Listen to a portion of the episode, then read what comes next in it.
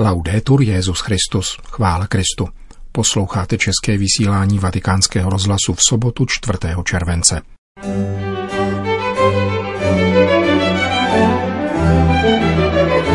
Finanční informační úřad Městského státu Vatikán, který včera zveřejnil svoji výroční zprávu, navázal spolupráci s Českou republikou. Krize spojená s pandemí má především morální kořeny, řekl na půdě OSN stálý pozorovatel svatého stolce Monsignor Jurkovič. Na svatojakubskou cestu do španělské kompostely se vracejí poutníci. Pořadem provází Milan Glázer. Zprávy vatikánského rozhlasu. Vatikán. Úřad pro finanční spravodajství svatého stolce zveřejnil výroční zprávu, která potvrzuje stále širší spolupráci se zahraničními finančními spravodajskými jednotkami, včetně České republiky. Za rok 2019 bylo ve Vatikánu nahlášeno 64 podezřelých finančních operací a podáno 15 trestních oznámení, přičemž ve čtyřech případech následovala preventivní opatření, včetně blokace jednoho účtu. Vatikánská finanční a spravodajská jednotka po většinu minulého roku pracovala pod vedením Reného Brülharta, který odstoupil loni v listopadu. Novým ředitelem tohoto úřadu současně papež František jmenoval Carmela Barbagalla, dlouholetého manažera italské centrální banky. Navzdory těmto změnám pokračovala mezinárodní spolupráce, která se projevila konkrétními výsledky, sděluje výroční zpráva zmíněného úřadu. Na výměně finančních informací se zahraničím se podílelo více než 370 subjektů a byly podepsány dvoustranné dohody s obdobnými institucemi čtyř zemí, Kůkovými ostrovy, Českou republikou, Finskem a Srbskem. Mezi úlohy finančního dozorčího úřadu náleží rovněž kontrola Institutu náboženských děl, takzvané Vatikánské banky, kde v minulém roce proběhly dvě inspekce, obě s pozitivním výsledkem – Výroční zpráva definuje riziko financování terorismu jako velmi nízké a zdůrazňuje, že svatý stolec vyvíjí nezměrné úsilí o mezinárodní výměnu finančních informací zacílenou na prevenci daňových úniků a dodržování daňových povinností zahraničních klientů Vatikánské banky. V rozhovoru pro portál Vatikán News nový předseda Úřadu pro finanční informaci Carmelo Barbagallo bilancoval své dosavadní šestiměsíční působení v této instituci, zejména vzhledem k příštímu posudku Manivalu, který se plánuje na září. Jsem si jist, že budeme na inspekci připraveni, vyzdvihl a v souvislosti s kauzou nákupu nemovitostí v Londýně, která vedla k vyloučení vatikánské finanční jednotky ze skupiny Egmont, podotkl, že vyšetřování není vedeno proti instituci jako takové, nýbrž týká se jejího jediného člena, u něhož dosud platí prezumpce neviny. Spolupráce se skupinou Egmont byla obnovena letos v lednu.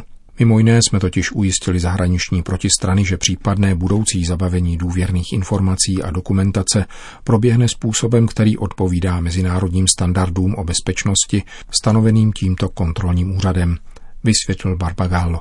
Letošní rok, jak dále upřesnil, přinese posílení kompetencí Vatikánského úřadu finančního spravodajství a pravděpodobnou změnu jeho názvu, do níž se promítne dozorčí funkce – v dnešním vydání italského hospodářského deníku Il Sole 24 Ore Barbagallo objasnil, že jeho úřad, který se v prvních měsících tohoto roku rozrostl ze 6 na 12 zaměstnanců, v brzké době obdrží nové stanovy a vnitřní předpisy. Navrhneme změnu jména na Úřad pro finanční supervizi a spravodajství, protože zrcadlí dvojí ohnisko naší činnosti, tedy spravodajskou službu a dohled na vatikánský finanční systém.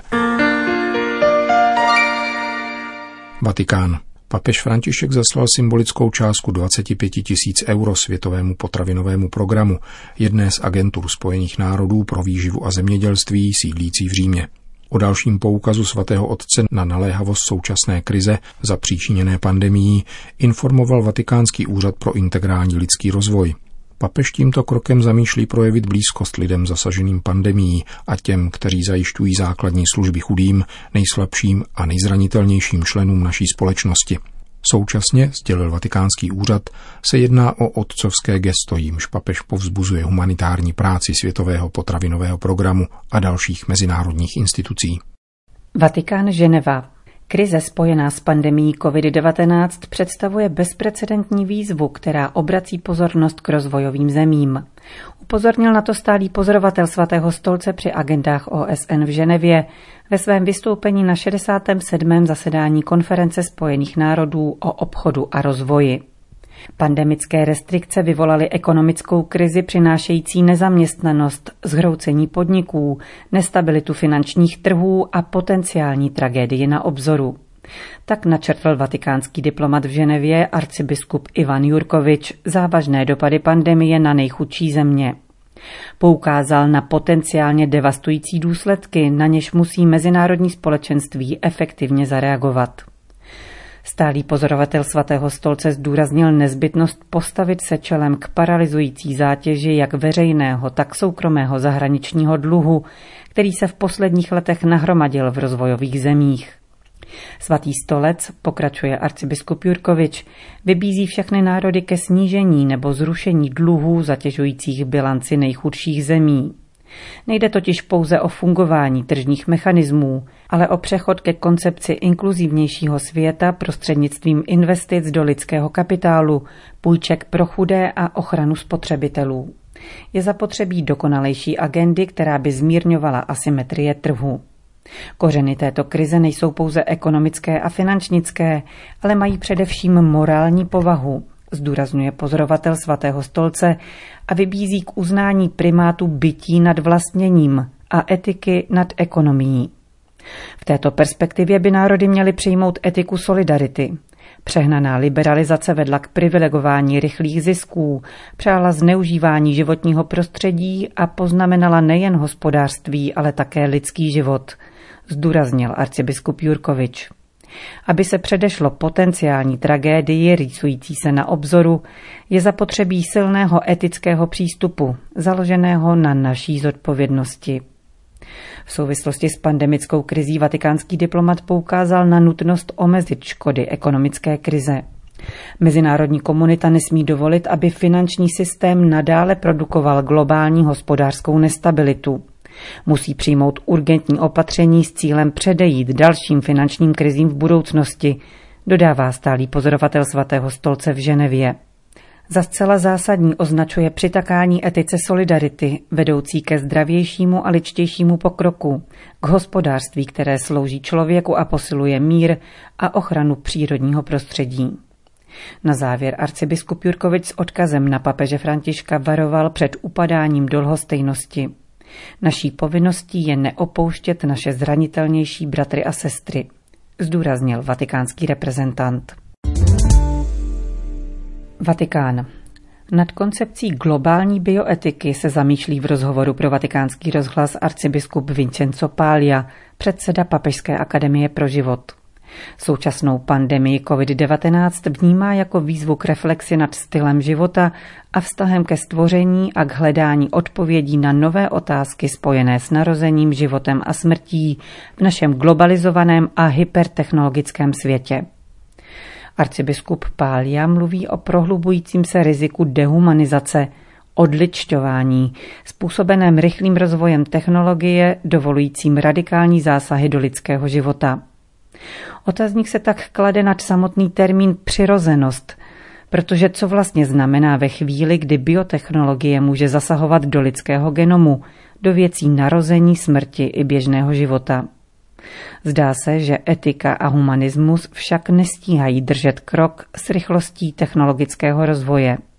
Velký význam v tomto kontextu proto sehrává dialog mezi vědou, technikou a náboženstvími.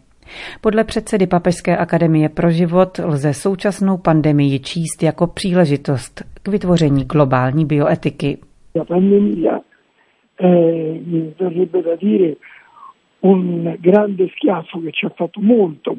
Pandemie je tragédií, ale také mimořádnou příležitostí k novému promyšlení rozvoje, vztahů a smyslu života. Dnes můžeme více než kdy jindy říci, že křehkost a bezbranost je životní situací nás všech. A to jsme ještě nedávno mluvili o posthumanismu, o přeměně člověka v bytost s novými fyzickými a kognitivními schopnostmi, dokonce o nesmrtelnosti. V tomto smyslu byla pandemie tak říkajíc velkým pohlavkem, který může být zdravý prospěšný. Musím říci, že existují náznaky reflexe a myšlení v tomto směru. A papež František je v jistém smyslu nejsoudnějším a všeobecně uznávaným interpretátorem. Věřím, že nejen církev, ale také jiné subjekty reprezentující vědu, ekonomii a kulturu jsou povolány k novému promyšlení postkoronavirového světa. Ti, kdo považují pandemii za marginální věc, si skutečně zahrávají s ohněm. Nemůžeme nezměnit organizaci života společnosti a nepromýšlet znovu smysl života, pokud chceme předejít COVID-20 nebo COVID-21. To by byla pro naši planetu velká tragédie. Říká arcibiskup Vincenzo Paglia, předseda Papežské akademie pro život. Brusel. Předseda Komise Evropských biskupských konferencí kardinál Jean-Claude Hollerich přislíbil pronásledovaným křesťanům v Nigérii, že se bude angažovat za jejich větší podporu ze strany Evropské unie. V listu adresovaném nigerijským biskupům kardinál Holerich deklaruje, že komise združující reprezentanty evropských církví bude žádat Evropskou unii o pomoc a spolupráci s nigerijskými představiteli na potírání násilí a pronásledování v jejich zemi. Vyjádřil solidaritu nigerijským křesťanským komunitám, které, jak napsal, jsou vystaveny neustálým útokům ze strany teroristů, povstalců a milicí, jež v některých případech dosahují skutku úrovně zločinného pronásledování.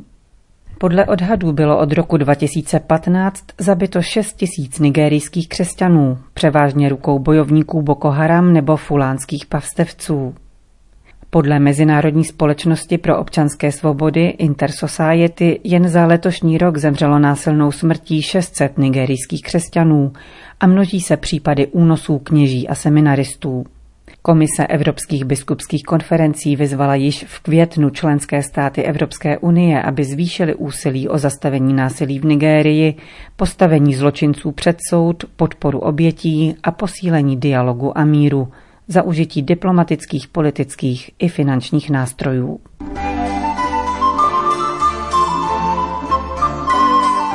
Španělsko. Od 1. července se mohou vrátit poutníci na nejpopulárnější poutní trasu, cestu ke hrobu svatého Jakuba do španělské kompostely. Kromě obtíží cesty se však budou muset popasovat také s epidemickými pravidly zavedenými v souvislosti s koronavirem.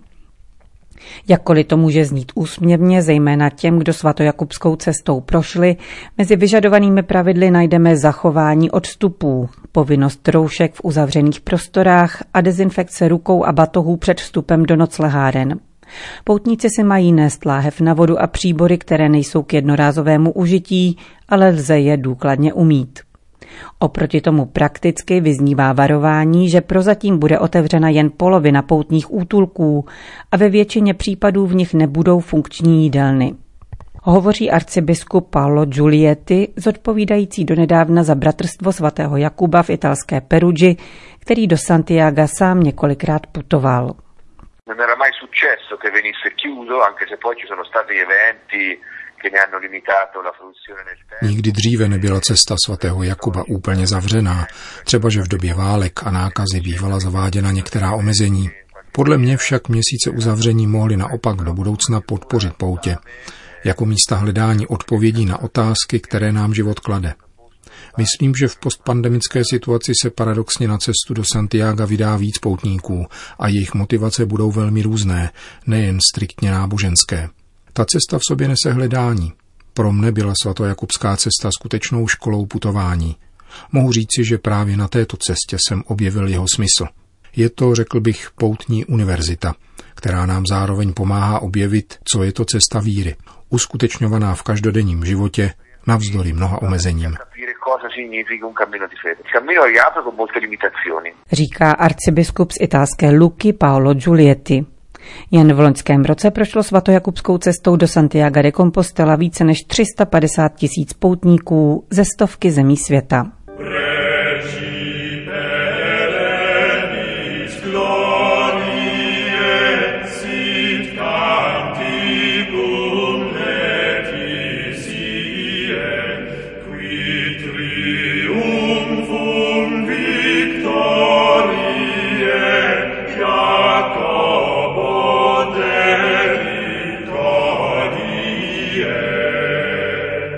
Končíme české vysílání vatikánského rozhlasu. Chvála Kristu. Laudetur Jezus Christus.